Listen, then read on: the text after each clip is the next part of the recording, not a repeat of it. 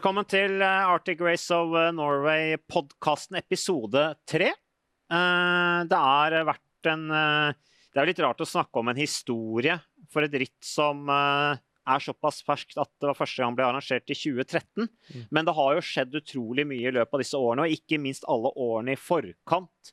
Med hva som førte fram til ideen og utviklingen av en mulighet, og så da gjennomføringen av den første utgaven og fortsettelsen, selvfølgelig. Det blir jo en historie. Det har vært en fantastisk reise for deg, Knut Eirik, og alle rundt deg, og, og, alle byer som har vært involvert, ikke mm. minst, og, og, landsdelen som helhet. Rytterne som har deltatt, Tor Hushovd som er med på link fra, fra Grimstad, osv. Eh, men eh, vi skal snakke litt om uh, Vi fortsetter å snakke om dette her at det er mer enn et sykkelløp. Så i denne skal vi bl.a. snakke om morgendagens helter og ungdommen. Det har vært en del Vi har jo sett at det er store ryttere i dag som har deltatt på morgendagens helter. Mm. Eh, som unge håpefulle som blir inspirert av sykkelrittet. men 2018 det er et ritt hvor det var igjen en sterk startliste. Jeg kan jo nevne navnet her. Alberto Bettiol, som jo vant eh, Flandern rundt, uh, Tor. Da var jo du en av de få som faktisk tippet Alberto Bettiol skulle vinne, for han hadde jo ikke vunnet noen ting i forkant. Og så klinte han til, vant Flandern rundt. Han stilte Nicholas Roach, som uh, er sønnen til Steven Roach, som jo vant både Giron og Tour de France og VM samme år, 1987. Steven Nicholas Roach, som er en, også en veldig sterk rytter. August Jensen, Sondre Enger, Carl Fredrik Hagen, Jakob Folsang, mm. ikke minst. Christophe Laporte, Mathieu van de Poel, kanskje et av de absolutt største navnene som er på internasjonal, internasjonal sykkelsport i dag. Varen Bargil, Sergej Tsjernetskij, som jo vant foran Markus Holgaard. Som jo alltid syklet veldig bra eller alltid har syklet veldig bra i Arctic Races of, of, Norway. Colin Joyce ble nummer tre, men Matthew van der Poel vant jo to etapper. Uh, vi ser på bildene her nå uh, Uh, Tor og, og, Knut Eirik, hva er det vi husker best fra den utgaven? det vi ser Matthew van der Poel storme til seier på første etappe i nederlandsk mesterskapstrøye? Nei, Jeg kan jo begynne, Tor, så kan du ta litt det, det, det sportlige, sportslige, på det. Men vi starta jo i Vadsø uh, og hadde målgang i, i Kirkenes. Uh, vi har jo aldri vært så langt øst for som vi var nå med sykkelrittet. Og vi jobba jo veldig lenge for å starte i Murmansk dette året. Eh, vi var jo bl.a. på det russiske statsbudsjettet, og var, vi var kommet veldig langt. Men så var det jo noen småting som gjorde at uh, vi ikke fikk det gjennomført sånn så vi hadde tenkt å gjøre det. Mm. Men allikevel et, et, utrolig godt arrangement.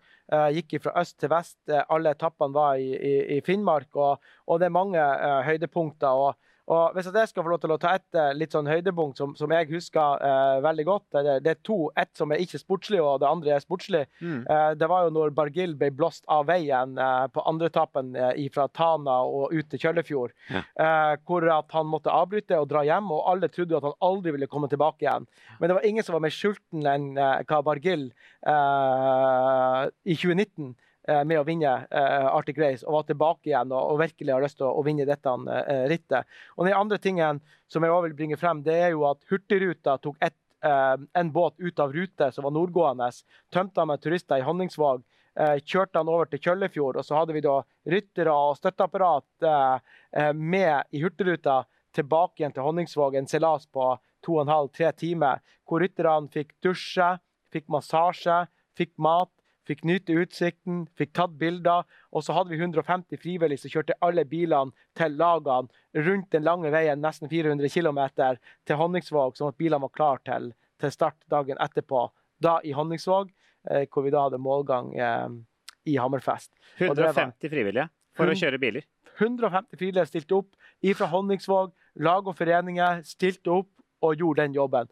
For at ryttere skulle få den opplevelsen med å, med å ta båten. Og jeg syns det var en uh, utrolig stor, uh, stor, sak. Og så hadde vi statsministeren som var med og hadde en næringslivskonferanse om, bord i båten mm. uh, når han gikk fra Honningsvåg og, og, til Kjøllefjord for å hente rytterne. Så det syns jeg var helt magisk. Og så for å avslutte det siste, så var det jo siste etappe hadde jo da målgang i, i Alta med Matthew van de Poel som uh, vant igjen. I hvilken grad ble rittet annerledes ved at det foregikk uh, da bare i Finnmark? Mm. Uh, hvordan endra det dynamikken på rittet på noen måte, Tor?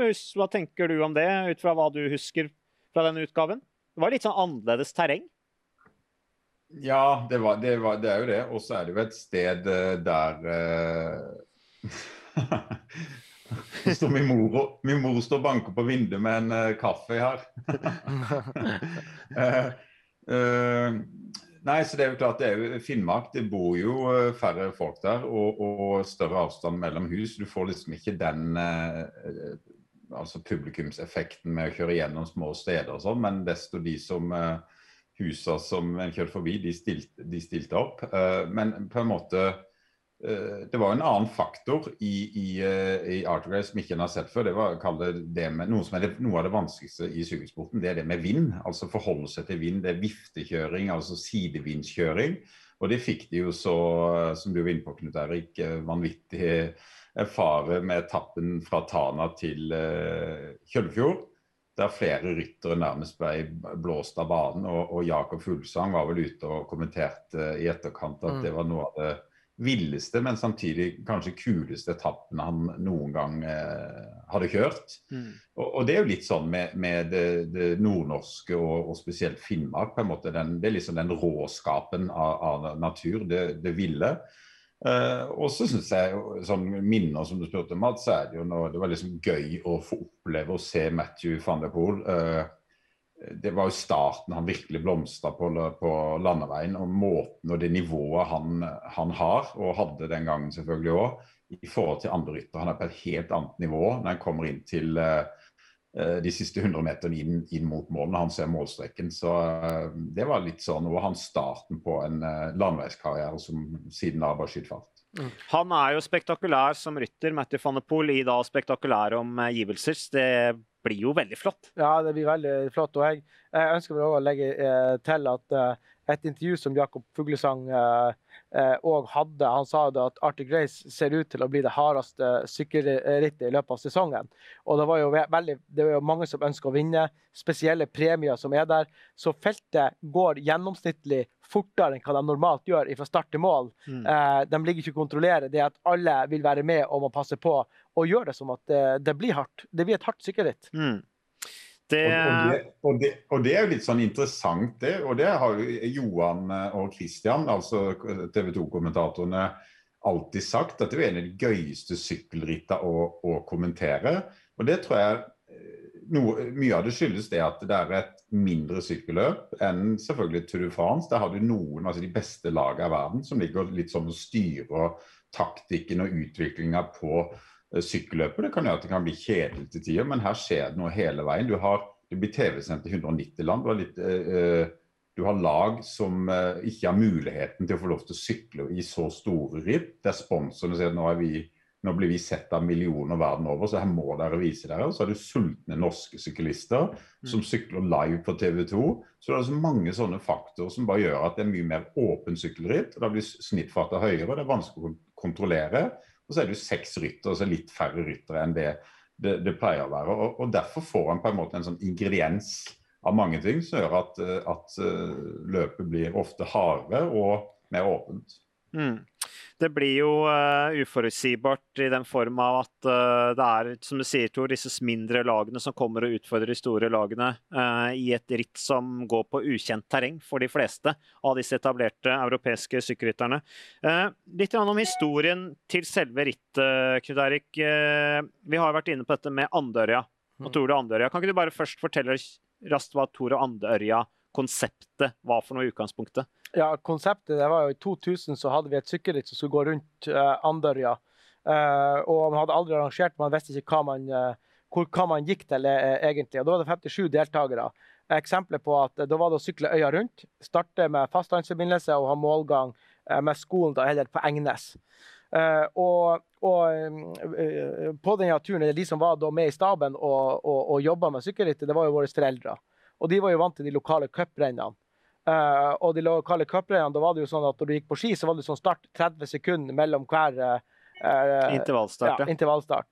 Det er du ikke i sykkel. Uh, så når de hadde kjøkkenklokka med seg så de tok tida på i målområdet, og det var sånn telefonkontakt at nå er det klar, ferdig, ga, og så var det bare å trykke på knappen, og så var det å ta tida, så var det jo sånn at det kom seks syklister samtidig mot mål. men de hadde jo ikke tatt høyde for at det skulle komme noen samtidig mot mål.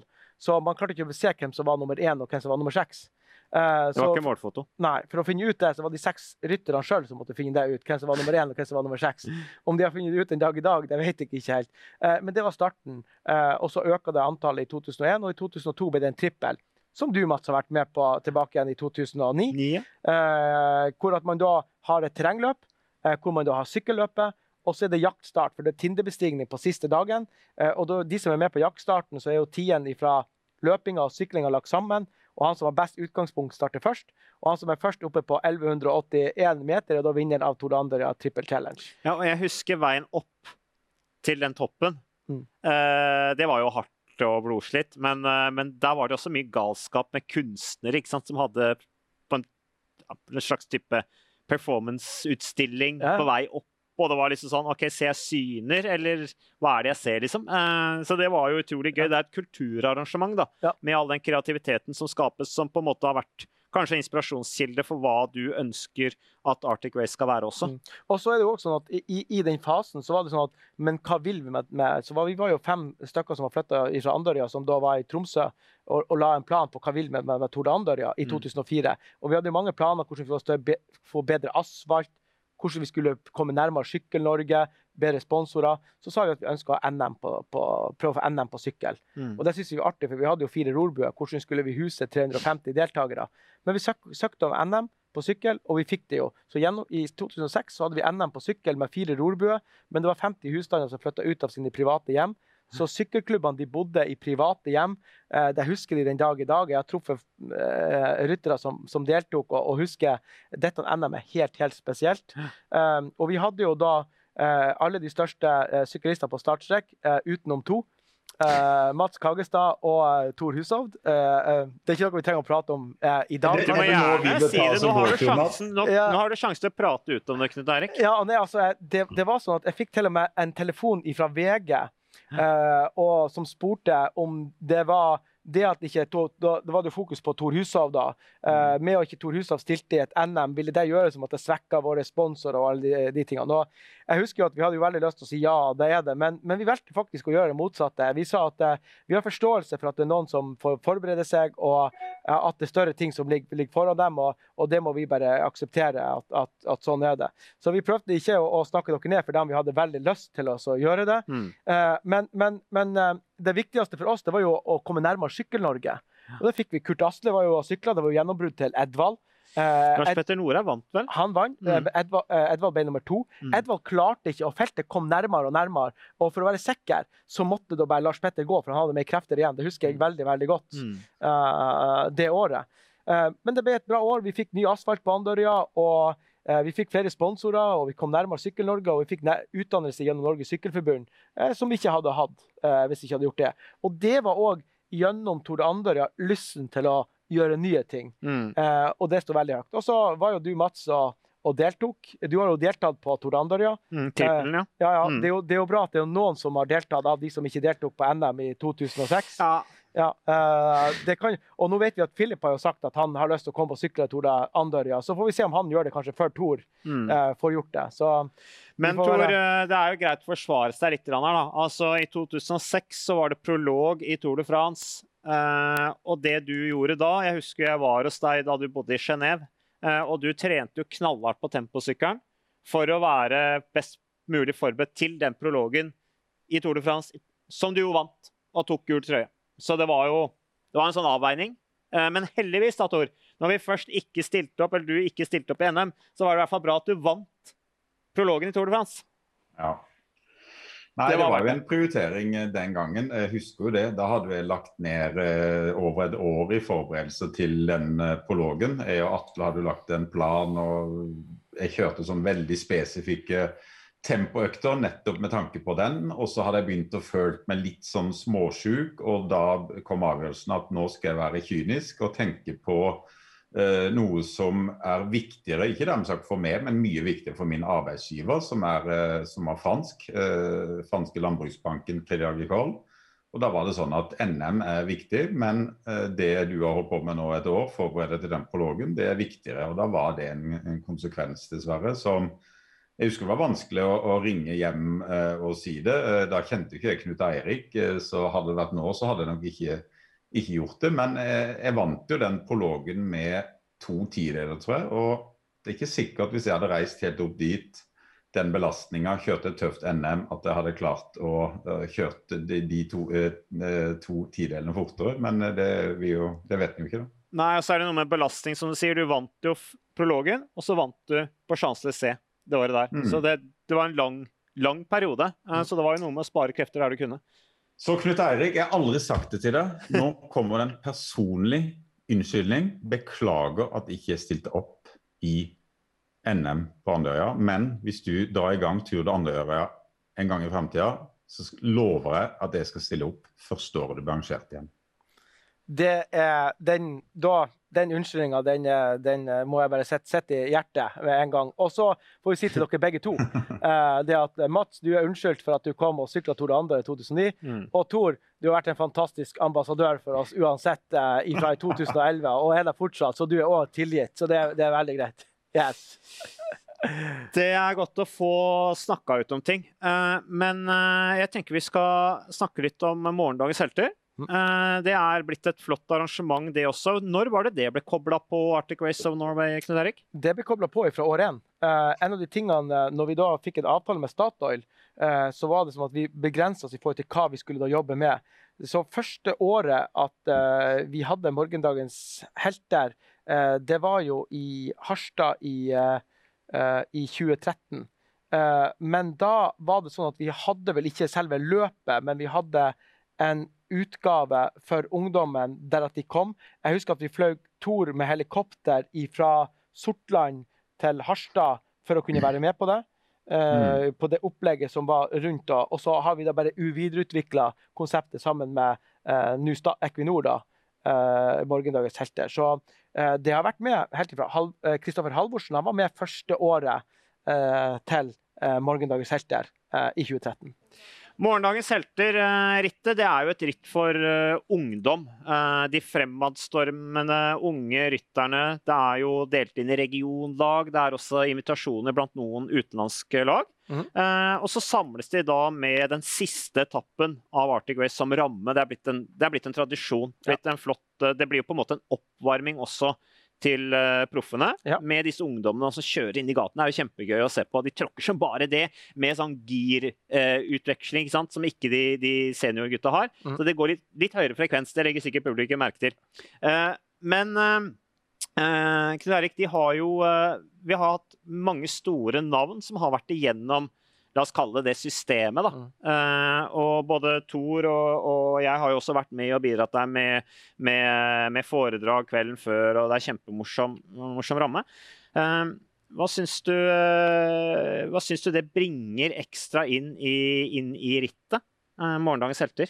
Ja, altså jeg, jeg, føler jo det at det er òg en måte at vi eh, kan være med på å legge til rette for at eh, de som er unge, kan få lov til å strekke seg litt ekstra på den samme arenaen som, som proffene har, som du egentlig eh, snakker om. Mm. Eh, og i tillegg så er det jo et krydder til de som da vinner eh, det laget eller det teamet som da vinner, får stå på pallen eh, sammen med de profesjonelle eh, etter at eh, gjennomføringa til dem er ferdig. Og Det tror jeg òg er en, eh, en, viktig faktor, i tillegg til at du, Mats, du, Tor, eh, er med på og, bidrar. Eh, med viktige ord uh, om at det er ingen snarvei til å bli en, uh, en, kommende stjerne. Det er hardt arbeid over tid, som mm. jeg vet at Tor bruker å, å si. Uh, men, men, å kunne lage den arenaen hos oss for dem, der de får lov til å konkurrere på, det tror jeg at de setter veldig pris på. Vi kan jo høre hva Susanne Andersen sier om uh, hennes deltakelse i Morgen- og selvtillit. Hun har deltatt uh, to ganger, jenta som nå sykler for det store profflaget DSM. Susanne Andersen, du sitter i bil på vei med kjæresten din Torstein Træn på vei ned til Sørlandet for å hygge dere og trene litt og forberede dere til neste innsats. Og det som er litt artig, Susanne, du er jo sykkelproff og kjører i Team DSM, som er et av de største lagene i, i verden. Uh, du kom jo gjennom i et brak innenfor uh, elitesykling da du ble sju i VM i Bergen i 2017. Uh, som først, i, i, i, ditt første år i eliteklassen. Og før det så deltok du jo faktisk to ganger i, i morgendagens helterittet under Arctic. Race. Det var to år. Hvilke år var det, Susanne? Det var i 2014 og 2015, mener jeg da. Så det begynner å bli ganske lenge siden.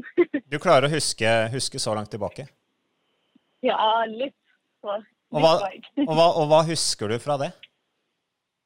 Eh, nei, jeg husker det var veldig, veldig stas på en måte å få eh, ja, kommet opp der eh, og sykla det løpet. Og så husker jeg at jeg syntes det var eh, spesielt kjekt på en måte at vi samla regionene. Da. Så det var jo eh, på en måte en litt sånn annen konkurranseform. Da, i og med at ja, det var, det var jo på en måte kjekt eh, å kjøre bra i løpet sjøl òg, men du heia jo på en måte ekstra på guttene òg fra regionen, fordi det var jo en lagkonkurranse i tillegg. Um, så jeg husker jo at det skapte litt sånn samhold og sånn mellom oss. Og, og um, ja, vi gjorde jo hverandre ganske sånn motiverte for det løpet og sånn. Og så eh, husker jeg spesielt for det eh, andre året i 2015 da, at jeg syntes det var stas eh, at det var to husholder sånn, som delte ut premien når jeg vant. Og ja, det var jo sånne små ting der som, som gjorde det ekstra kjekt. Så det var litt sånn rammene rundt det som var litt annerledes og kanskje litt større enn det du var vant til? Ja, jeg hadde jo, i hvert fall i 2015 så hadde jeg jo på en måte sykla en del løp utenlands, da, men dette var jo på en måte hjemme. Og så var det jo på, ja, samtidig sånn proffritt, så man kunne jo på en måte se på de sykle etterpå. Og så var det jo ja, litt kjekt å på en måte prøve seg på samme løype som det de skulle kjøre senere, seinere, da. Mm. Um, ja. Du har jo altså etterkant ikke sant? Nå kan man jo sette ting i perspektiv i forhold til dine erfaringer i etterkant. Uh, ikke minst ikke sant, VM i Bergen i 2017, hvor det jo var fantastisk folkeliv. Men for en ung utøver som du var uh, den gang, du var med i morgendagens helterittet, uh, hvor du for øvrig kom Du ble ved én og to og to og én, var det ikke sånn? ja, det var meg og Ingvild. Jeg tror første året så vant Ingvild, og så andre året så vant jeg. Det var vel sånn det var. ja, ikke sant. Og det jeg skulle fram til, var jo det at det der med å da være ung utøver og få delta på den arenaen, som du sier, med proffene Det var masse, det var god stevning der, masse, masse folk ute og heiet. Det var TV der, journalister, der, politikere i det hele tatt. Det må jo ha vært inspirerende for en ung utøver som du var da? Ja, det var jo det. Det var jo ganske mye større enn på en måte alt annet eh, man hadde sykla, og spesielt kanskje det eh, første året jeg deltok, fordi da var jeg jo ikke junior ennå engang, så da hadde jeg på en måte eh, Ja, jeg hadde ikke vært på den type arenaer tidligere. Eh, så det var definitivt, eh, definitivt veldig stas et høydepunkt. Eh, ja, noe man så fram til, da. Hva tenker du at eh, det arrangementet og den muligheten betyr for unge utøvere? Eh, nei, jeg håper jo på en måte det er noe, noe, å se fram til på en måte i løpet av året. Og så hadde det vært litt, altså, vært litt kult på en måte om man hadde fått opp kanskje den deltakelsen fra uh, utlandet òg enda mer. Eh, sånn at det kanskje hadde vært eh, på en måte e, enda større av de, eller de talentene på en måte fra utlandet òg, da. Mm. Eh, og det tror jeg det nå kanskje har blitt litt mer etter hvert. da, at eh, konkurransen er enda høyere. fordi da blir det plutselig um, sånn at man kan ja, prøve seg mot på en måte de sterkeste andre sterke jenter eller gutter i Europa. da. Mm. Ja, Samtidig som det skal jo ha litt sånn lokalt preg, uh, Arctic, ja, ja. Uh, ikke sant, med Arctic Race. Og, men det er jo et innspill man kan ta, ta videre. Men uh, uansett, Susanne, tusen takk for at du ville bidra på, på podkasten og snakke om erfaringene dine med, med morgendagens helterittet. Null problem, bare hyggelig. Susanne Andersen er jo eh, virkelig et uh, stortalent. Det uh, blir spennende å følge utviklingen hennes videre. Gøy at mm. hun har vært med i, i morgendagens helterittet. Mm. Hun beskriver det også selvfølgelig som en, som en, en morsom opplevelse. erfaring. Morsom erfaring. Mm. Viktig erfaring, ikke minst. men jeg har også snakket med Andreas Leknesund. og det er jo Tromsøs store sønn. Ja. Eh, du hadde jo August Jensen som på en måte gikk foran. Eh, ble den første proffsyklisten fra, fra Nord-Norge, og som også kom klatre på pallen Mm. i sammendraget i Arctic West Norway. Kom tilbake til det. Men vil du si noe om eh, Tromsø ja. Storestad? Ja, faktisk. Og det var i fjor. Så skulle jo han være med og sykle Arctic Race Ja. sammen med Uno X. Men da var han jo ute og fikk en skade som gjorde at han ikke kunne sykle. Men han hadde så lyst til å være med på Arctic Race, så mora spurte om han kunne være med og jobbe dugnad. Så han var med. Han kom til Arctic Race i 2019, og han jobba dugnad på alle etappene. Var sammen med, med Thor, eh, fikk gjøre en del ting. Og han elska bare å få lov til å være med og bidra eh, med det han kunne bidra. Så han var litt kommentator eh, med, sammen med spikerne, og, og gjorde òg en god jobb der. Så det er artig at eh, ungdommen òg ønsker å, å by på seg sjøl på andre ting enn hva å bare sette seg på sykkelsetet. Fantastisk fyr, altså Andreas eh, Leknessund. Og hvilket talent. Eh, vi kan høre hva Leknessund sier når han prater med meg. Jeg husker ganske mye fra de rittene, eh, fordi det var veldig, veldig fin opplevelse alle sammen, egentlig. Jeg husker veldig godt det der at, eh, at vi som da var juniorer, og første året jeg kjørte var jeg faktisk 16, så hadde jeg ikke rukket å bli junior ennå. Eh, Da husker jeg det at det var veldig kult. Vi fikk, eh, vi fikk flybilletter på mail, og så ble vi flydd opp til Nord-Norge og fikk bo på, eh, på et eller annet fint hotell og være en hel helg. Eh, og eh, dagen før rittet så hadde vi en sånn samling eh, med gjerne noen sånne store stjerner som var og prata. Og så, så søndagen var det, jo, var det jo ritt hvor vi også fikk kjøre i løypa til, eh, til proffene. Og det var jo også eh, en standard som ikke vi var vant til. Så hele helga var ekstremt profesjonell og uh, veldig stor opplevelse for, uh, for, uh, ja, for unge syklister som ikke var vant til fullt så gode gode kår.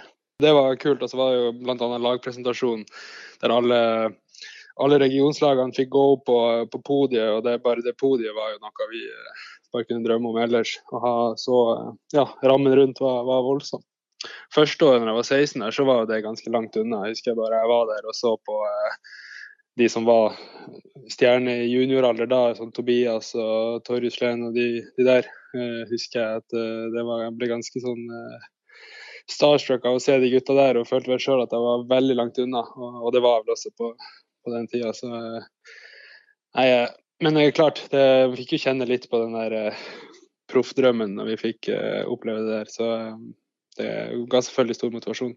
Det var veldig inspirerende. Det, det mener jeg virkelig. Um, og så er jo bare det at alle, eller veldig mange norske juniorer blir flydd opp og bor på et hotell i en hel helg. Eh, altså gutter og jenter, og det er liksom god stemning. Og det blir jo litt sånn leirskole igjen, når, du, når alle sammen er samla på et hotell og i, eh, på, middagen, og alle går rundt der. og og det er god stemning. Eh, og så er det jo veldig kult det der at eh, vi kjører med regionslag, så det er litt andre lagsammensetninger enn ellers. Og, eh, og så selvfølgelig litt sånn kamp om å få plass på, på laget. Og det er jo også eh, motiverende for mange å jobbe mot det å ha som mål å, å få kjøre det rittet. For det er jo eh, prestisje, bare det. Det å sykle Arctic Race er jo noe jeg lenge har, eh, har eh, egentlig ja, drømt om. fordi det, det er jo et kult ritt, og det er god stemning. Og selvfølgelig på, på hjemmebane. Eh, selv om Nord-Norge er stort, så er jo uansett hvor man er der, så, så føler jeg meg hjemme. Eh, så det er jo noe jeg selvfølgelig har lyst til. Og, og selvfølgelig hvis, eh, hvis jeg er der at jeg kan ha en sånn rolle mot, eh, mot de yngre rytterne så er det selvfølgelig eh, stor stas. Altså det, det er jo heller ikke noe jeg bare sier. Altså det husker jeg jo sjøl fra da jeg altså før jeg, som sier, sjøl drømte om å bli, eh, bli, veldig, altså bli veldig stor syklist, eh, så, så var bare det når Arctic Race kom til, til Tromsø, det var, altså det var jo 17. mai. eh, større enn det, egentlig. Eh, det var så fullt i byen, og det var god stemning. og eh, Store syklister var der og sykla. Jeg husker bare den farta de passerte, det var helt vanvittig. Og, altså hele dagen, jeg husker Når rittet var over, så var jeg og kompisgjengen vi var samla flasker, og det var Nei, det var veldig god stemning. og Det var liksom hvert år veldig spennende når løypa skulle komme. For jeg håper selvfølgelig at det skulle komme til, uh, til Tromsø, eller uansett hvor man bor. Um, og uh, jeg merker jo det med den interessen i Nord-Norge etter uh, Arctic Race og sånt, er jo at altså uansett hvor, Hvis jeg sier at jeg sykler, er syklist, så er jo spørsmålet om jeg sykler Arctic Race. Uh, fordi det, det, har alle et forhold til, uansett om du er interessert i sykkel eller ikke. Fordi det, ja, det er såpass stor folkefest, uh, uansett om du er glad i sykkel eller bare ditt liv. Andreas Drektesund er ganske tydelig da, på at det er en stor opplevelse å få være med i Arctic Race. Eh, og du nevnte det jo, eh, Knut Eirik, at eh, Andreas hadde så gjerne skulle vært med i 2019. Mm. Så veltet han på trening, knakk ved kragebeinet eller en arm eller et eller annet i sitt første år som uh, U23-rytter eller senior. Han sykla jo UnoX. Mm. Og så allikevel så vil han være med og bidra på en eller annen måte, og det, det sier litt om han som type. Eh, fantastisk eh, fyr, for, fantastisk forbilde, syns jeg. Mm. Eh, og er jo også helt eh, fy, unikt talent, vil jeg mene, da. Tor, det tror jeg du også er, eh, er enig i? Absolutt. Andreas Leknessund er en stor uh, fremtidig norsk uh, syklist. Litt annen type syklist enn han en har sett før, der han har uh, veldig gode tempoegenskaper og, og klatreegenskaper. Så det er jo en, en, rytter vi fort kan se være med å kjempe om uh, sammenlagt seieren da, i, i, i, de, store rittene. Og, og, på en måte det talentet han har og, og den må, målrettigheten han, han, jobber frem mot, det er én ting, men det er en fantastisk bra kar beina godt planta på jorda. Og, og, og, eh, så jeg, jeg synes De kvalitetene de, de, er vanvittig viktige. Og det er òg kvaliteter som du mener du kan vokse på i en idrett som sykkel, og, i en idrett som er veldig spesiell, der du på en måte er individuell lagidrett. Så på en måte når du ikke setter ditt eget ego foran, eh, foran alt, så har han store sjanser for å bli en stor, eh, stor syklist. Han, eh, det er litt morsomt med det han, eh, Andreas eh, sier her i forhold til at han opplevde sisteetappen i Tromsø som 17. mai større enn det, mm. sier han. Uh, han beskriver hvordan det var å liksom, komme opp på hotellene, være en del av, av proff, være en del av profflivet. Mm. Dette er at de så på rytterne som han senere har konkurrert med, denne farta. Han var fascinert av det. Og det er jo også bilder av deg og Andreas Leknesund, Tor, fra Tour de France et år Jeg lurer på om det var i 2011, når du hadde enorm suksess der nede. Hadde én uke gult trøye, du, du, vant to etapper, du var med å vinne lagtempoen. Du hadde til og med bakketrøya når du, når du sykla lagtempoen. Eh, mm. Da møtte du han uten å tenke på det, selvfølgelig. Ja, jeg tok, det var jo en av en, som jeg skjønte var en nordmann da, og, og som hadde kommet ned for å heie, så liten gutt. Eh, så da tok jeg bildet bildet sammen, og det var det noen av som har funnet frem til, og tydelig viser seg å være Andreas Leknesund. Så det er veldig, veldig spesielt og, og, veldig artig. Og jeg husker òg på en måte seansen når jeg, når jeg møtte de nordmennene. Det var rett før jeg skulle inn i lagbilen etter å ha vært på, på premieutdeling og, og, den biten der. Så det husker jeg faktisk òg. Uh, Knut Erik, uh, hvor mye betyr det egentlig for, uh, for sykkelrittet? Sikkert vanskelig spørsmål, men uh, vi har August Jensen, sant, som har kommet igjennom, blitt proff, gjort det bra også, kom på pallen i Arctic Race og Norway, vunnet etappe. og så Andreas Leknesund med alle de forventningene som er rundt han.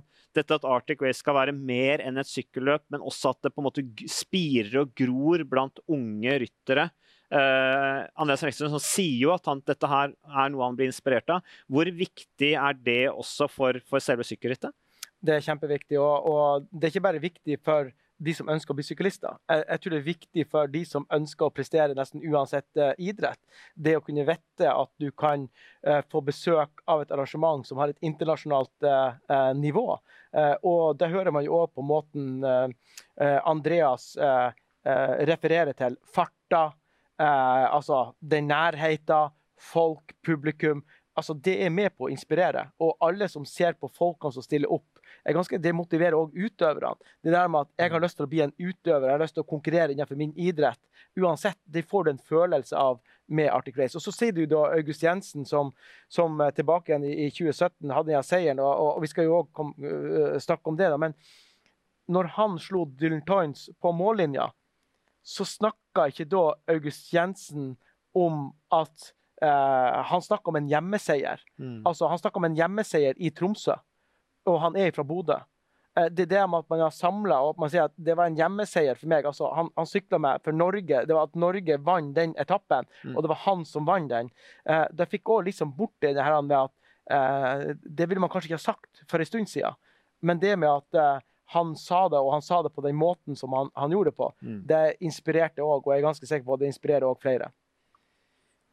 Vi har jo da snakket med Andreas Reknesund og Susanne Andersen, men de som gjør morgendagens helteritt uh, mulig, uh, det er jo Equinor, mm. som jo er en stolt partner, selvfølgelig, og som er en viktig partner. Uh, flott at de er med og bidrar. Og Katrine Isebø, kommunikasjonssjef i Equinor. Um, hvorfor morgendagens helter? Hva er det? Ja, altså Morgendagens helter er jo Equinor sitt Eh, sponsor- og talentprogram. Eh, og veldig sånn kort fortalt så handler det jo om å støtte talentutvikling da, innen idrett, kultur og utdanning, realfag. Men, men Morgendagens helter er jo eh, mye mer enn det.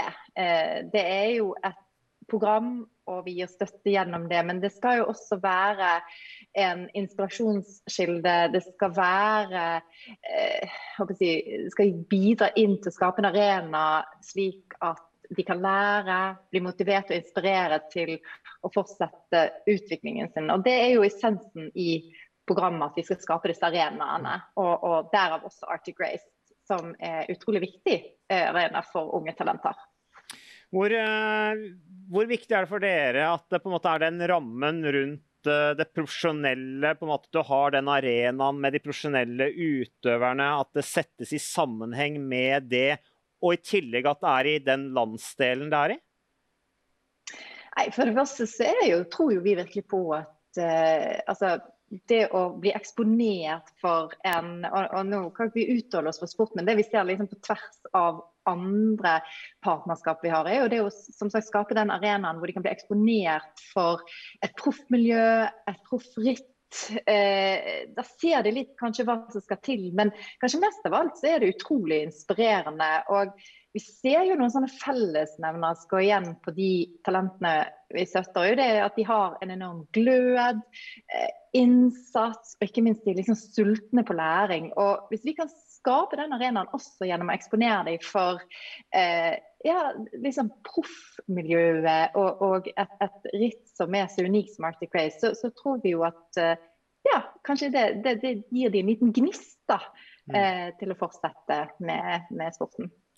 Tor, du er jo med i det arrangementet også. Du har jo også en rolle der med at du er med og bidrar til inspirasjon med foredrag sånn kvelden før. Det er jo på en måte litt sånn som Andreas Leknessund beskrev som litt sånn eh, skoleleir, på en måte. Um, det gir litt den følelsen. Uh, hvordan er det for deg å møte disse ungdommene? Kjenner du deg litt igjen i, i de, eller?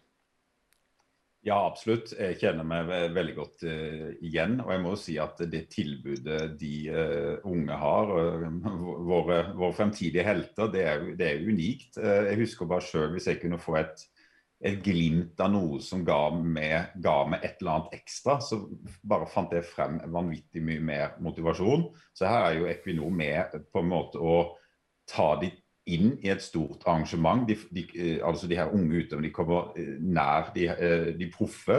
på en måte kan føle og kjenne på hvordan, hvordan det er. De er, liksom, de er liksom kommet et steg eller to nærmere det å nå målene sine. Om det blir en proffkontrakt eller, eller, hva det er for noe, så er det klart det er en, en unik mulighet for dem. Jeg er sikker på det at det, det motiverer de enormt. og det er jo det liksom Katrine sa, at En ser jo denne sulten og den motivasjonen de her unge utøverne har. De er bare de skal opp og frem. Så eh, nei, det er gøy å få lov til å være med på liksom, og minne litt tilbake for min egen del hvordan det var å være ung, ung og fremadstormende. Eh, Chris Eirik, eh, Arctic Race Norway er mer enn en sykkelløp. Er det ikke da egentlig helt perfekt at dere har Equinor med på det programmet her også, for å få fram morgendagens helter? da? Ja, absolutt. Og jeg må jo si at uh, det er jo mange ting vi kunne ha snakka om med Equinor. og uh, som, som, som, Katrine har vært inne på, så har vi jo jobba sammen med, med, Katrine og hennes team i, i, Equinor hvert eneste år på hvordan vi kan både lage rammer og hvordan vi kan utvikle det. Eh, hvordan vi kan da sørge for at de unge kan ha et, et godt tilbud. Eh, de har vært med ute på de forskjellige regionene eh, som Sykkel-Norge er delt opp i. Vært med å bidra der. og det med den gløden de ungdommene har med å kunne komme til Arctic Race og få lov til å være med og delta, det, det er et stort glis på dem alle. Også, samtidig så er det å, å ta nye steg. Og, og, sammen med Katrine så har vi òg hatt, hatt ungdommer som har vært med på å konkurrere bl.a. under etapper i Tour de France, mm. eh, hvor de har sykla mot eh, hjemgamlere som da òg er på samme nivå i, i sine land. Eh, Tor eh, hadde jo med seg noen eh, fra Equinor til etapp. Mm. Det ble jo gode resultater, Tor. ikke av meg og deg. men, du fikk jo krampe, Tor. ja, jeg, jeg fikk krampe. Ja, Det er litt synd at vi tok Men vi får komme tilbake til resultatene. Men jeg fikk krampe, det gjorde. Men det var en annen som er med på denne sendinga, som måtte gå opp til siste i fjellet. altså Da snakker vi 12 km gåing på sykkelsko. Men han kan du snakke med, for han sitter i styret ditt, Mats. Ja, og Det var ikke det som var viktig, men du må snakke om de ungdommene Tor, som faktisk vant. Som kom da fra eh, talentprogrammet som da, med Equinor, som du var og sykla med eh, dagen i forveien. og De ble vel nummer én og tre. Og vi vet at dette løpet, eller tapp er jo et eh, et ritt som er prestisje å, å, vinne. Ja. Og, det at det var en nordmann som var det, det var det, var ikke godt tatt imot egentlig at det var noen unge gutter som kom inn og, og slo de som ønsker å være på, på det øverste. Frank Schreck deltok òg dette året, hvis jeg ikke husker helt feil, feil Tor. Stemmer det. stemmer det. Nei, det var jo vi var der nede, og vi, jeg så det at det var to eh, motiverte og sultne gutter, men at de skulle dra det her i land. Her snakker vi mange tusen deltakere. Eh, så det, det viser òg litt på en måte det som Equinor er med på å bygge opp, den nye sykkelgenerasjonen som ikke vi helt har sett ennå. Vi begynner å se en del, en del uh, navn ute, ute, nå. om Andreas Leknesund, Tobias Foss som ligger nummer to i Giro d'Italia. Mm. Uh, det er liksom fremtida. Det er litt sånn annen type syklister enn det Eva, Alexander Kristoff, Edvard Bosen Hagen som er spurtere. Og de kommer jo av fra denne eh, skolen. De har vært med på, eh, på Equinors eh, program. Så det er jo litt ekstra stas. Så de får vi snart se og kjempe om både seire i Arctic Race og kanskje Tour de France snart. Katrine, til avslutning. Hva er veien videre for morgendagens helter? Er det et langsiktig perspektiv på det, eller tar det litt år for år? Nei, dette er jo et, absolutt et langsiktig perspektiv. Og, og for Equinor så er jo eh, altså, Det handler jo om liksom, å ruste framtiden for gode forbilder som vi alle kan se opp til. enten det er innenfor idrett eller kultur eller utdanning. Så vi trenger jo også ungdommen til å skape de nye løsningene. Så morgendagens er absolutt langsiktig. Og, eh, og, så har jeg bare lyst til å tilføre liksom, i forhold til disse ungdommene som er med. Så vi må ikke glemme at det, det er jo, de har jo det gøy. De får jo treffe eh, andre mm. ryttere fra andre land. Så vi må ikke glemme at de er fortsatt ungdom. Så én ting er all den læringen vi, vi, vi, snakker om, men vi må huske på at de også får en opplevelse for livet som jeg tror de tar med seg. Uansett eh, om de blir ryttere eller eh, ja, gjør andre ting i livet. Mm. Mm. Takk, eh, Katrine Instebø. og da gleder vi oss til fortsettelsen, også på morgendagens helter. Det, jo, eh, det har vært mye flotte opplevelser med Arctic West of Norway som ikke bare handler om det sportslige. Det er vi enige om. Masse flotte bilder. Eh, mye engasjement og galskap eh, som både er rørende og som vi kan le oss i hjel av. Mm. Dag Otto Lauritzen har jo fått kjørt seg her i, i Arctic West of Norway. mm. Virkelig. Han har kost seg glugg i hjel. Vi kan høre hva Dag Otto sier om den opplevelsen der. Dag Otto Lauritzen, du, du, har jo vært eh, veldig kjent fjes i Arctic Race, selvfølgelig. Du har vært der fra første utgaven, og jeg tror du har hatt det ganske gøy når du har vært der, har du ikke det? Jo, det er i hvert fall eh, en underdrivelse å si ganske gøy, for det, har vært fantastisk. Det har vel overgått både mine og andres fantasi om hvor bra det skulle bli. Og jeg må si at det å kunne få lov til å være med på en sånn fest, folkefest som det er i Nord-Norge, med det nordnorske publikummet, det har vært eh, enormt. Hva er det med det nordnorske lynnet som gjør at det blir så uh, god stemning? Det er nesten vanskelig å sette ord på det, men uh, de fleste kjenner jo til at nordlendinger er rett fram, veldig åpne, blide og verbale. og jeg vet ikke, altså jeg har vært på sykkelløp i Colombia, jeg har vært i Frankrike, i Italia, Spania, egentlig stort sett rundt forbi mange steder i verden, men jeg har aldri og det er helt sant, altså aldri opplevd magen til engasjert publikum som du har i Nord-Norge. Arctic Race det, det tok liksom pusten av oss første året, og så har det bare fortsatt. og de, de elsker å kle seg ut og lage sirkus langs løypene. og De heier på alle, uansett om de er foran eller bak. og Kler seg i alle mulige slags forskjellige drakter og stiller opp med reinsdyr. og hele tatt, det, det er rett og slett bare en fryd, altså. Men uh, er det noen spesielle, når du tenker litt tilbake, det er sikkert vanskelig for deg å peke på noe helt konkret, men er det, er det en spesiell eller et par spesielle hendelser du husker ekstra godt i løpet av alle de årene du har vært der oppe?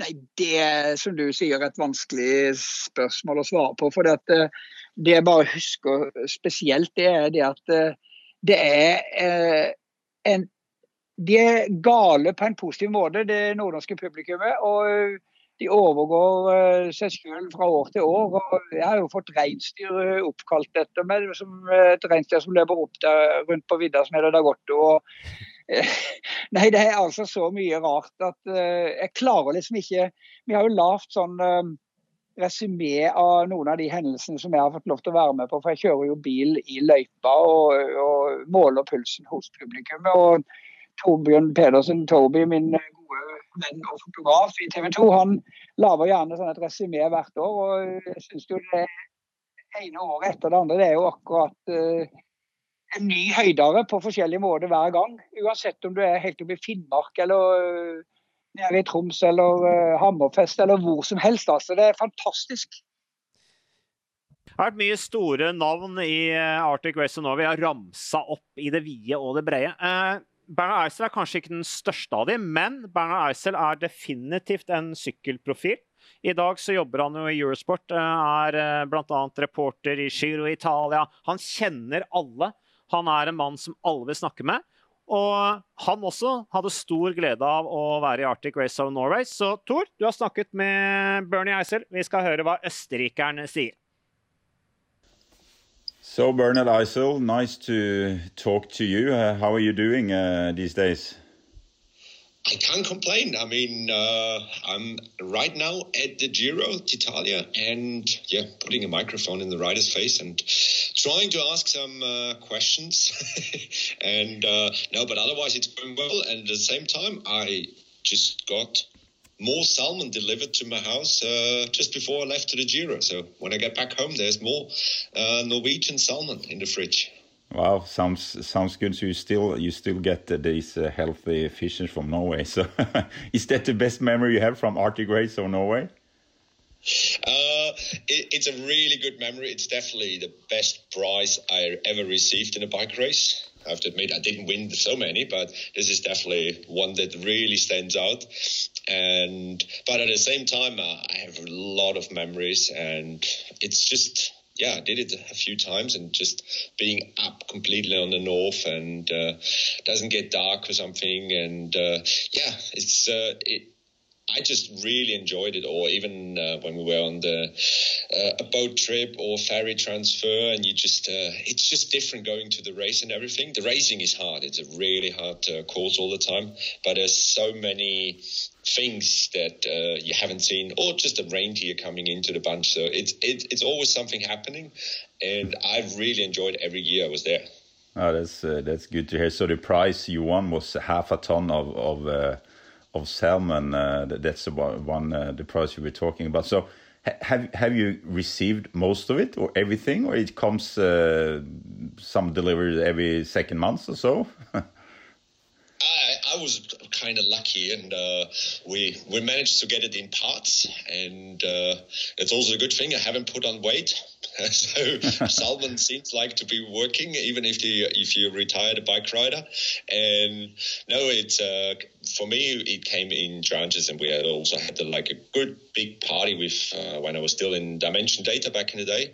So we had a good. Uh, it was called the Captain's Dinner in Cape Town, and there we made a really good feast for uh, all the riders, staff, and it was a yeah turned out a really good party with Norwegian salmon on the table. that uh, sounds uh, that sounds good. That the, the salmon comes all over the world.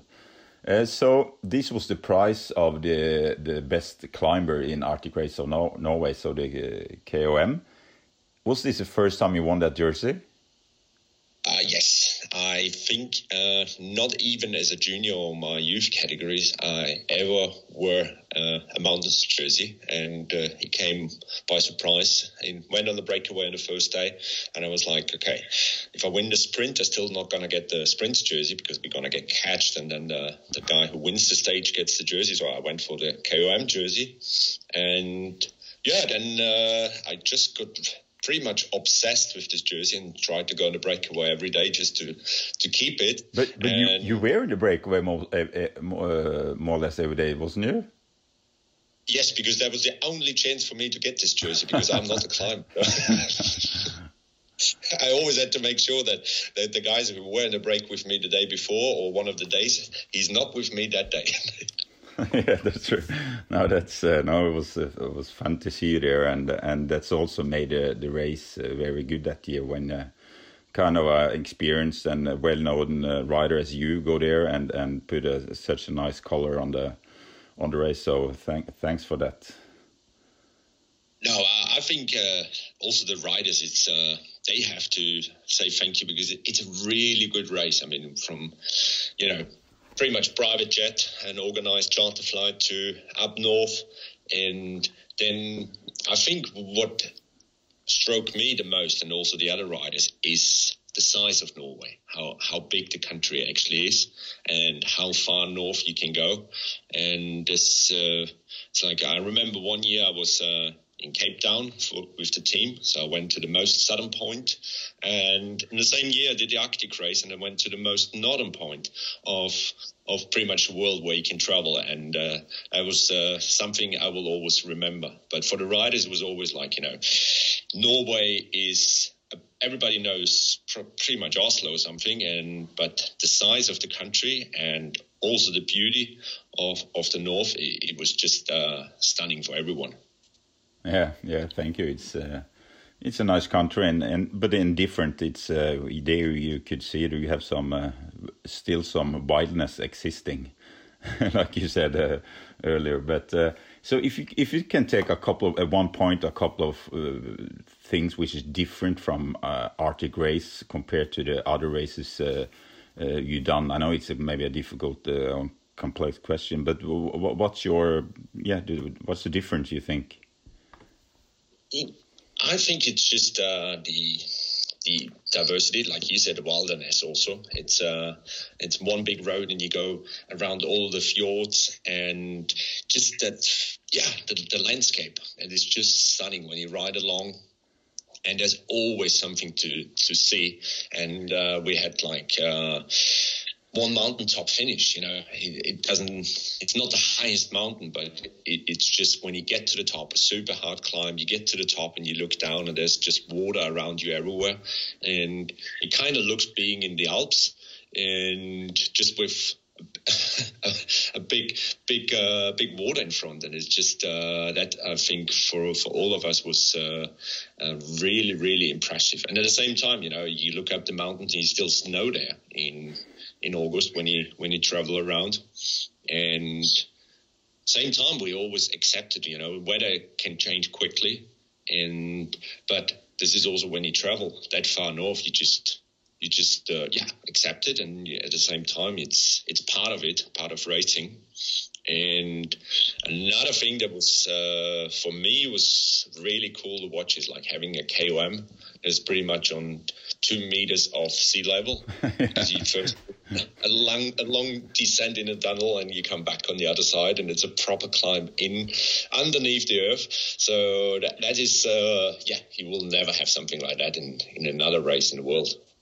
Yeah, that's true. That's uh, something uh, something uh, different. And it, when you look at the road mech, road book and you see uh, top of the climb is two meter above the sea level, it's it's strange. but then you come from a deep deep tunnel, so uh, yeah, it's uh, it's a diff different race, and it's yeah. I'm glad the riders like you you appreciate it.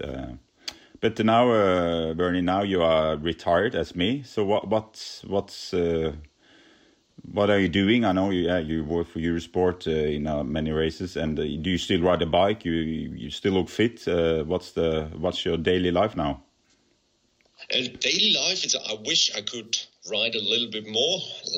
COVID I think hit us all really hard, and uh, it's just hard to plan things. And with three kids, I don't find so many excuses to ride as often as I wish. And but I really enjoy being at home and ha- having family times. And my oldest daughter, she's six, and my bo- boy uh, turns five, and a little one, she will turn two in July. So. I, always something to do and uh, riding bikes with them. And same time, I don't really miss the racing. I still come to races for Eurosport and GCN, and I, I, I know how hard it is for the riders, and this is I'm definitely not missing this suffering all the time. When I go for a ride, I just enjoy being out and yeah, go easy. Yeah, same same as me. So I think it's time that we one day should do a ride together, and that's uh, so we have time to just chat. Don't care about the speed or the watts or whatever, and uh, maybe stop for a few coffees. That sounds like a really good plan. Probably we should do it in the Arctic race of Norway. Yeah, why not? I, ho I hope you you maybe come back uh, this year.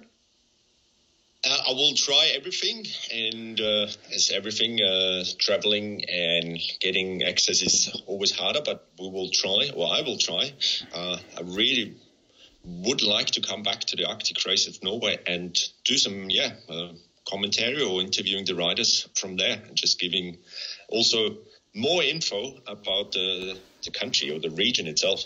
Yeah, now you are always welcome back, uh, Bernhard Eisel, and uh, I hope to see you there.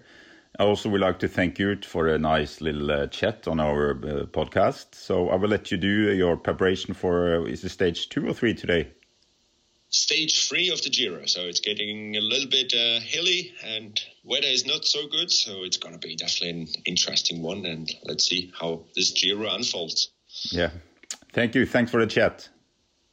Thank you so much, Tor. Yeah. And chat soon. See you. Bye bye. Da er vi faktisk i siste eh, historiske utgaven til nå. 2019. Det blir forhåpentligvis ikke den siste. Ble jo en glippe i fjor med 2020. Men 2019-utgaven var, eh, var, også en meget solid utgave. Mye action, mye trøkk, eh, mye bra sykling. Nordmenn som gjorde det bra. Startlista besto bl.a. av Mathieu van der Poel, Aleksej Lutsjenko, Magnus Kort, Stephen Cummings, Enrico Gasparotto, Varmberg Gill, Lillian Kalmejan, eh, Zakarin Taramé, Amund Grøndal Jansen, Jumbo Visma, Sondre Holst Enger, August Jensen, Brian Kokkar. Huh! Bra startfelt. Uh, og ikke minst et sterkt Uno X-lag som stilte og gjorde det veldig bra. Det var jo mye blest rundt UnoX da, uh, bl.a. fordi at Aksel Lund Svindal var her. Lanserte sponsorsamarbeid med, med UnoX. Du hadde Petter Northug som var her og lanserte sponsorsamarbeid med Northug-bilene. Det ble et uh, stilig sykkelløp. Hva er det vi husker best fra 2019-utgaven, bortsett fra alle de punktene jeg har tatt fram her nå? Jeg tror vi må begynne med Tor.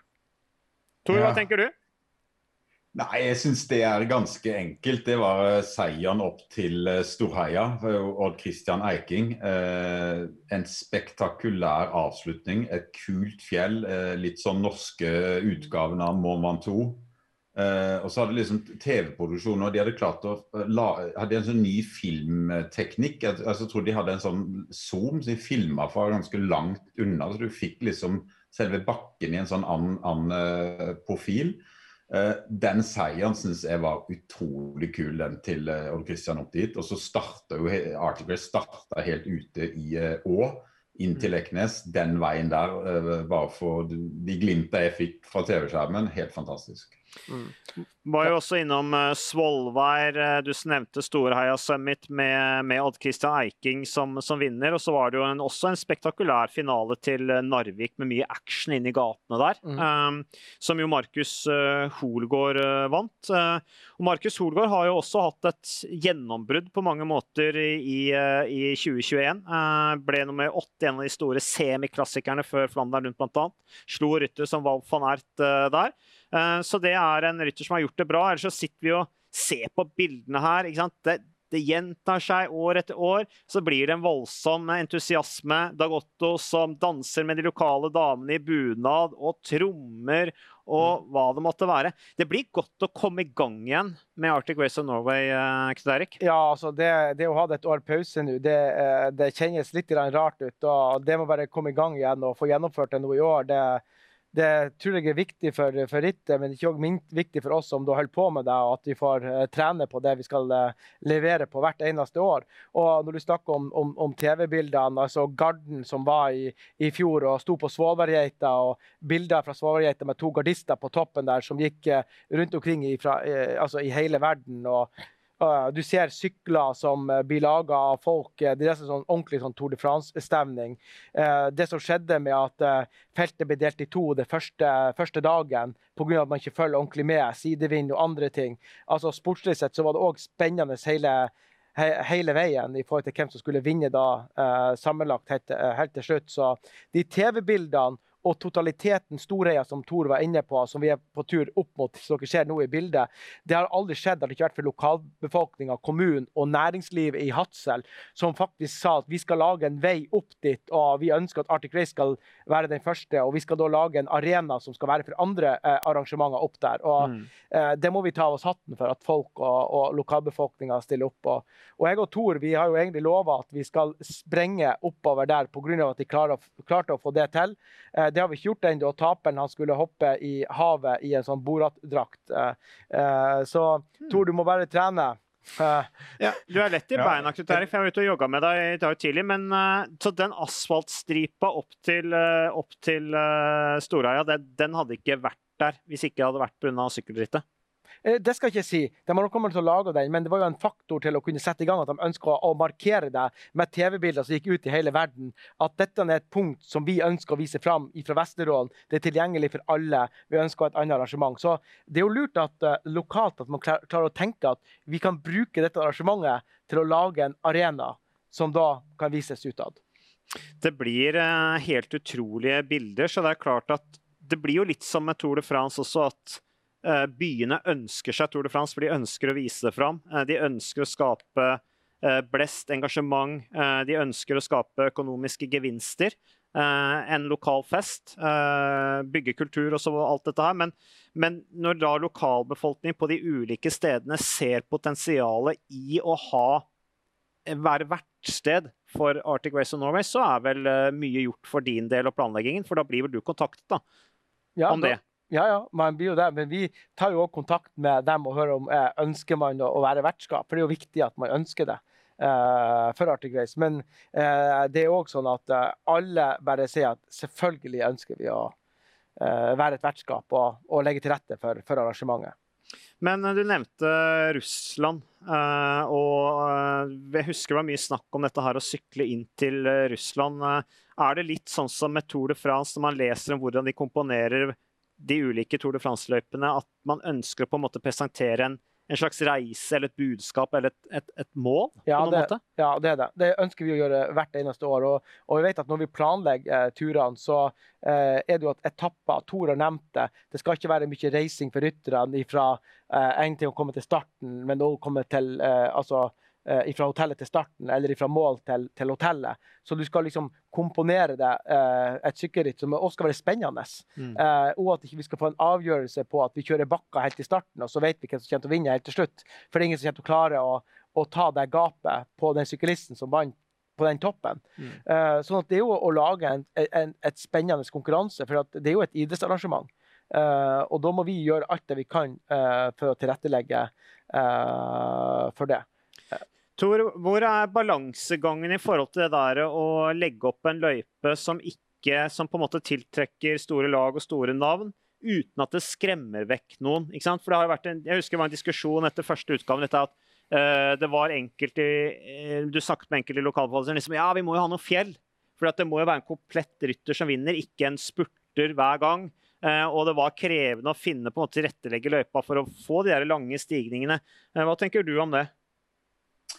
Jeg syns det eh, Det er et godt, eh, godt, spørsmål, Mats. Men jeg, jeg syns ikke det skal være sånn at alle sykkelritt må inneholde lange fjell. Da får du litt like type ryttere eh, som, eh, som, vinner. Eh, jeg var jo en litt mer sånn allrounder, så jeg klarte liksom akkurat å og Første året så var kanskje, da, da var det ikke en, en mountaintop finish, altså morgenen på toppen av et fjell.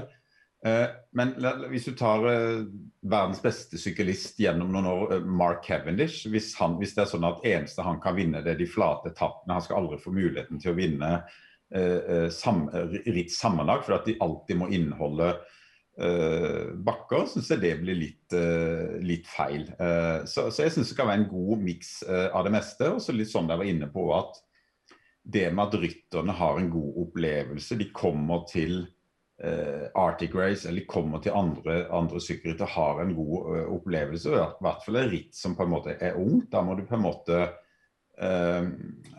du må legge til rette for at jeg har en lyst til å komme tilbake. Når du drar til Paris-Roubais, eh, så forventer du at der er veien dårlig, og den skal være dårlig. Drar du til Tour de France, ok, det er verdens største sykkelritt, der må du akseptere litt av hvert. Men det er jo derfor, det var som Bernhard Eisel sa, det er derfor folk har lyst til å komme tilbake til uh, Arctic Race. Fordi at det, er lagt godt til rette for uh, syklistene. Det praktiske hotell, uh, transport til og fra start eller mål. Mm. Eh, og, og, og, eh, hotellet er bra, og maten er bra. Da koser rytterne seg. I 2019 eh, så vant du Aleksej Lutsjenko, kasjokhstaneren i Astana, foran Varmen Bargil og Chris Neilands. Det var Poel, Kokar, Eiking og Holgård som vant etapper. Og jeg nevnte Holgård. Vi kan jo høre hva han sier, for han har et veldig godt forhold til Arctic Race of Norway. Markus eh, Holgaard, du eh, er jo en av de rytterne som eh, for alvor befolkningen har fått øynene opp for hva gjelder sykling internasjonalt så langt i 2021. I UnoX har du gjort en flott innsats med bl.a. åttendeplass i dette store rittet E3 Price, som, var, som ble lagt veldig merke til. Og, men du har hatt suksess i Norge òg. I 2018 så ble du nummer to i Arctic Race sammenlagt. Uh, og i uh, året etter så vant du siste etappen. Hva er, ditt, uh, hva er, din opplevelse av Arctic Race fra de deltakelsene du har hatt der? Jeg har alltid følt meg vært i bra form. Jeg har alltid likt løpet. Det kan en kombinasjon mellom fin natur samt konkurranser, så vi får oppleve sitt mye flott natur, samtidig som det er ja, spennende sykkelløp. Så har jeg jo noen av mine største prestasjoner der oppe. Så jeg, ja, Arctic er litt som alltid kommer til å henge høyt for meg. Sånn, blant de løpene vi kjører. Vil du anty antyder du at det kanskje er ditt, eh, ditt, din gjennombruddsarena, Arctic Race? Ja, det vil jeg absolutt si. Jeg hadde faktisk i 2015, når jeg sykla på Coop, så hadde jeg en veldig dårlig sesong. Sleit mye. Mens da fikk jeg en sånn Resultatet ble ikke helt store, men sånn mental gjennombrudd på den siste etappen i Narvik. Jeg egentlig hadde slitt med selvtilliten hele året, og så fikk jeg på en måte vist at jeg hadde noe å komme med. Så både det samt andreplass og etappeseier vil jo si at det, et gjennombruddsløp, det vil jeg absolutt kalle det, ja. Mm. Hva er det med, med, Arctic Race, tror du, som liksom uh, du, du, snakker om at det er uh, fin natur og de tingene der, men er det en litt sånn er det Oppleves det som en spesiell arena også for norske syklister å, å, å være med i det, det, rittet? Ja, det tør jeg påstå. I hvert fall for min del så blir det jo litt eh, ekstra nasjonalromantisk når du hører alle utlendingene skryte veldig, og alle er veldig imponert. og og for vår egen del òg, så Eller jeg kan bare snakke for meg sjøl, men jeg har aldri vært i Nord-Norge bortsett fra når jeg har sykla Arctic. Du får jo veldig mange opplevelser og opplever mye fin natur og ja, ting som jeg kanskje ikke hadde fått sett og gjort ellers. Du, eh, jeg regner med du eh, håper å komme tilbake til, eh, til Arctic Race og være med og kjempe om nye bragder?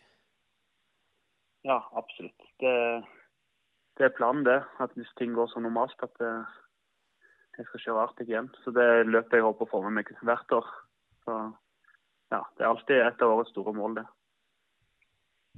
Det er uh, gøy med de som uh, har fått uh, brukt Arctic Race of Norway som arena til å skape utvikling. og Vi har nevnt vært mange eksempler som vi har snakket om i dag. på ryttere som har blomstret Mm. på denne arenaen. Eh, og vi kan jo egentlig si at sykkelkommentatorene og reporterne og deg, Tor, og Dag Ottor og i det hele tatt, det har vært fest her oppe. eh, og det har også vært utviklende for de. Eh, det er mange som utvikler seg på denne arenaen som Arctic Race tilbyr.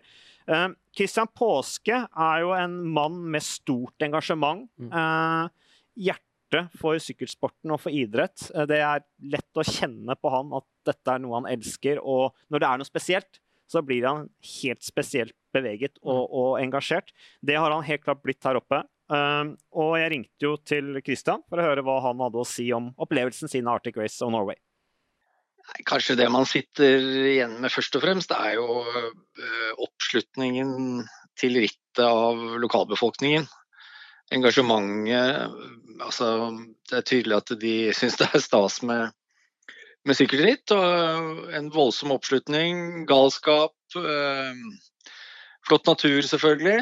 Men eh, først og fremst folket der oppe, som liksom har omfavnet et sykkelprosjekt som jeg tror mange rynket litt på nesen over i Altså før det ble arrangert første gang i 2013, så var det liksom Hallo, åssen skal man få verdenseliten opp dit, liksom? Men det har de pinadø klart, og det har jo vært en fest fra, fra første stund. Så. Og så har det vært noen sportslige høydepunkter. Utrolig spennende avslutninger hvor eh, eh, trøya har skiftet eh, eier på siste etappe, eller det bare har skilt noen få sekunder. Altså, vi hadde jo siste utgaven i 2019 med Lutsjenko og, og Bargil i en, eh, i en voldsom duell i, i, eh, på den siste etappen i, Narvik. Eh, Eiking som vant eh, på Storheia. Husov det første året, selv om ikke jeg var der, så fulgte jeg med på TV. Kristoff i Tromsø som snøt Tor, Hushovd for seieren i det som vel var hans siste sykkelritt på norsk jord, i hvert fall. Så, så det har vært eh, både folkefest og sportslige høydepunkter. Jeg syns jo eh, da, Lars, altså da de skulle ha en etappeavslutning på Nordkapp, det syns jeg var eh, veldig spesielt å, å, være med på. Altså å dra ut eh, helt ytterst der. eh, Det blåste og var steinkaldt. Eh, Lars Petter Norhaug vant etappen i eh, vindkastene der. Eh, og så hadde vi oppe i, eh, i Finnmark da, da, da Varm Bargill ble blåst av veien, rett og slett. Eh, og befant seg plutselig fire-fem meter fra, fra veikanten. Eh, ja, ellers så er det jo Jeg syns det er vanskelig liksom å plukke ut eh, Så hvis noen spør liksom, hva er det største som har skjedd i Tour de France, så er det også vanskelig.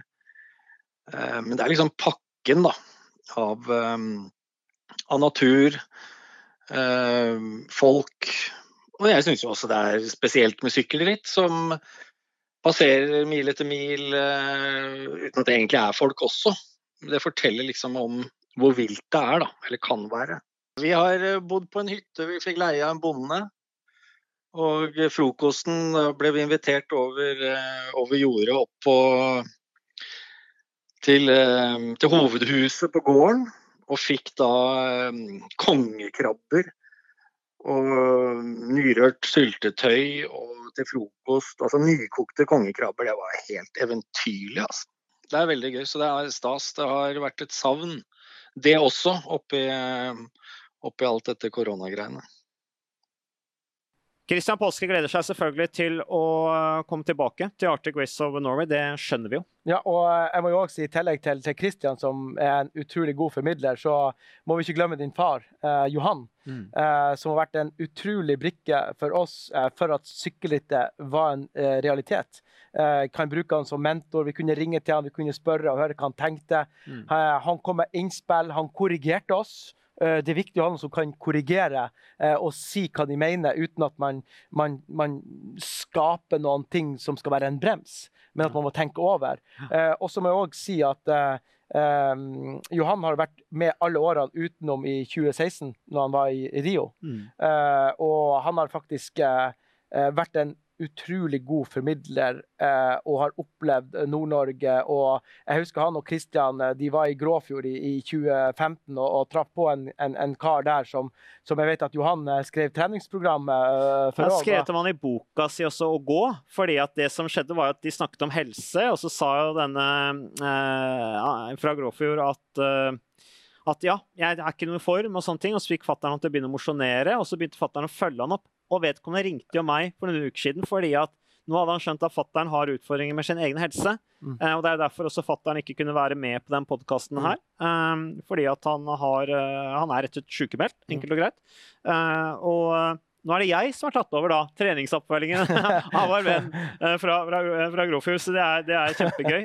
Så han får jeg rapporter på tekstmelding hver uke. Og, og, og, og, det er jo bra at du fortsetter med det, og at du skal fortsette å, å ta stolen. Men jeg ønsker bare å avslutte det at Johan har vært med og levert. Uh, og han har vært med å, å, bygge sykkelsporten i Norge på en god måte. Og, uh, jeg må si Det at det er jo litt trist at vi ikke kunne hatt han med akkurat nå, men sånn er det. Mm.